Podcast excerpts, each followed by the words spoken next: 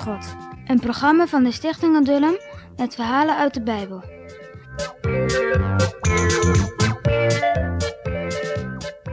Wat was het lang geleden dat de Heere het land Canaan beloofd had aan Abraham, Isaac en Jacob. En toen hun kinderen in Egypte de gevangenen waren van de boze farao, leek het er wel op of het nooit zou gebeuren. Maar de Heere heeft het toch gedaan. Moe van het zwerven en vechten, was dan toch eindelijk het land Canaan van de Israëlieten. De Heere had het zijn volk gegeven. Nog waren niet alle Canaanieten overwonnen en gedood. Die moesten later nog verjaagd worden. Ze durfden het volk Israël geen kwaad te doen. Jozua was al oud geworden. Maar al werd er niet meer gevochten, toch had Jozua het nog erg druk. Er was zoveel te doen. Er moesten huizen worden gebouwd om in te wonen. De akkers moesten worden geploegd om te kunnen zaaien.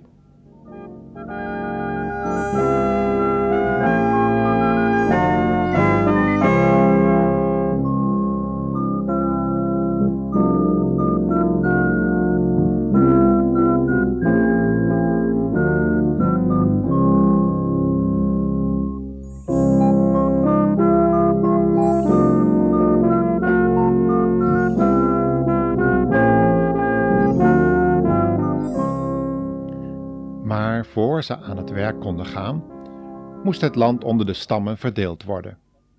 Daarom riep Josia al de mannen van Israël bijeen. Eleazar, de hoge priester, hielp hem bij het moeilijke werk. Zij baden tot de Heere om wijsheid, zodat alles eerlijk zou toegaan. En de Heere wees de stammen hun deel van de veroverde grond aan. Elke stam kreeg ook een aantal steden en dorpen toegewezen.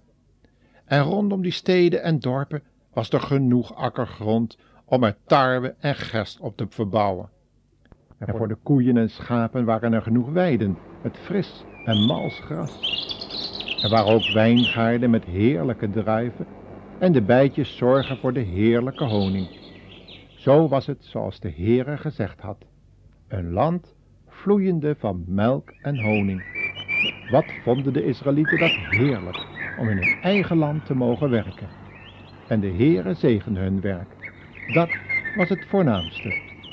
Want als de Heere het werk niet zegent, dan helpt al onze arbeid niets.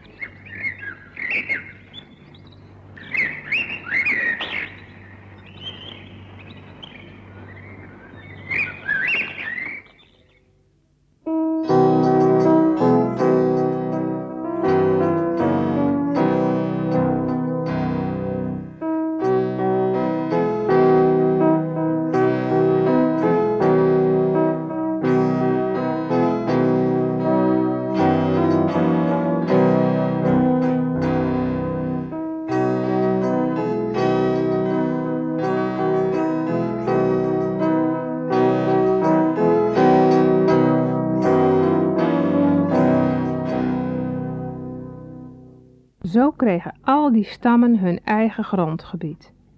Behalve de stam van Levi.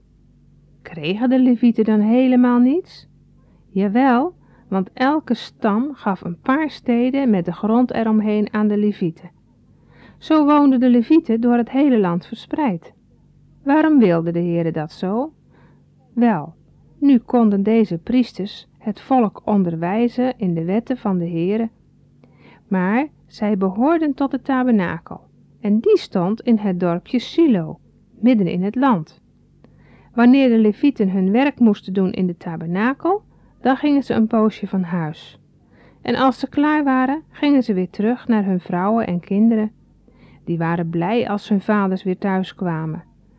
Dan waren er weer andere levieten in de tabernakel, ieder op zijn beurt. Zo waren de Israëlieten dan na veertig jaar zwerven in de woestijn en zeven jaar vechten tegen de Canaanieten, eindelijk in het beloofde land. Eindelijk woonden ze rondom Silo. Die naam betekent rust. Dat was een passende naam, want zo was het immers. De Israëlieten mochten rusten van al hun zwerven en strijd.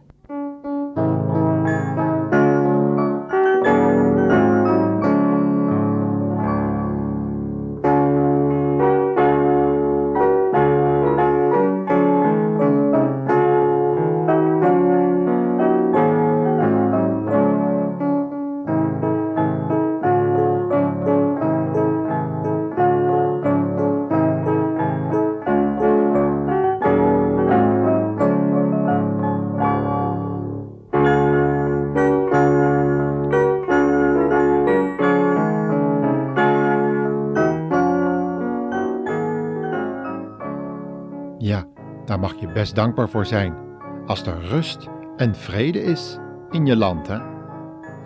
Daar heb ik een verhaaltje over. Van een meisje. In de oorlog vroeg ik eens aan een meisje wat uh, zij graag voor haar verjaardag wilde hebben. En, zijn, en haar antwoord was: Een brood waar ik in kan bijten. En helemaal voor mij alleen is. Ze heeft dat toen gekregen. Maar in die tijd was dat helemaal niet zo gemakkelijk. Zo'n verjaardagswens heb jij zeker nooit gedaan, hè? Maar laten we niet vergeten, nu wij vol overvloed hebben, God te danken telkens wanneer we voedsel ontvangen. Koren voor ons brood en al ons voedsel hebben we alleen omdat God het heeft laten groeien. Al krijgen we het van onze ouders, toch is het God die ervoor zorgt. Dat kun je wel begrijpen. Wanneer wij van iemand iets ontvangen, zeggen we altijd, als het goed is, dank u wel. Zelfs een hond die eten krijgt, blaft. En dat betekent, als je het vertaalt, dank u wel, baas. Heb je wel eens gezien hoe een kip water drinkt? Dat is heel leuk om te zien. Bij elk slokje houdt hij zijn kop even in de hoogte. Dat is om het water naar binnen te laten lopen. Maar er is ook een oud rijmpje op. Dat klinkt zo. Geen droppel drinkt het hoen zonder één blik naar de hemel te doen. Ja, daar kan je best eens over nadenken. Want dat dier geeft ons een voorbeeld.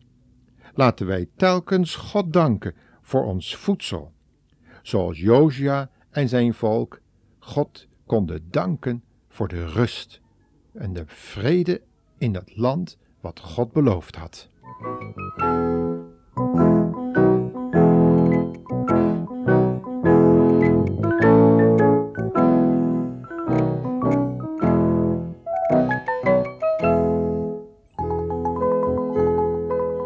En dan volgt nu de quizvraag. Daar zit je natuurlijk al een tijdje op te wachten, hè? Nou, hoe kwam het dat de Israëlieten steeds wonnen in de strijd tegen de Canaanieten? Dus nog een keer. Hoe kwam het dat de Israëlieten steeds wonnen in de strijd tegen de Canaanieten? Succes met jullie quizvraag.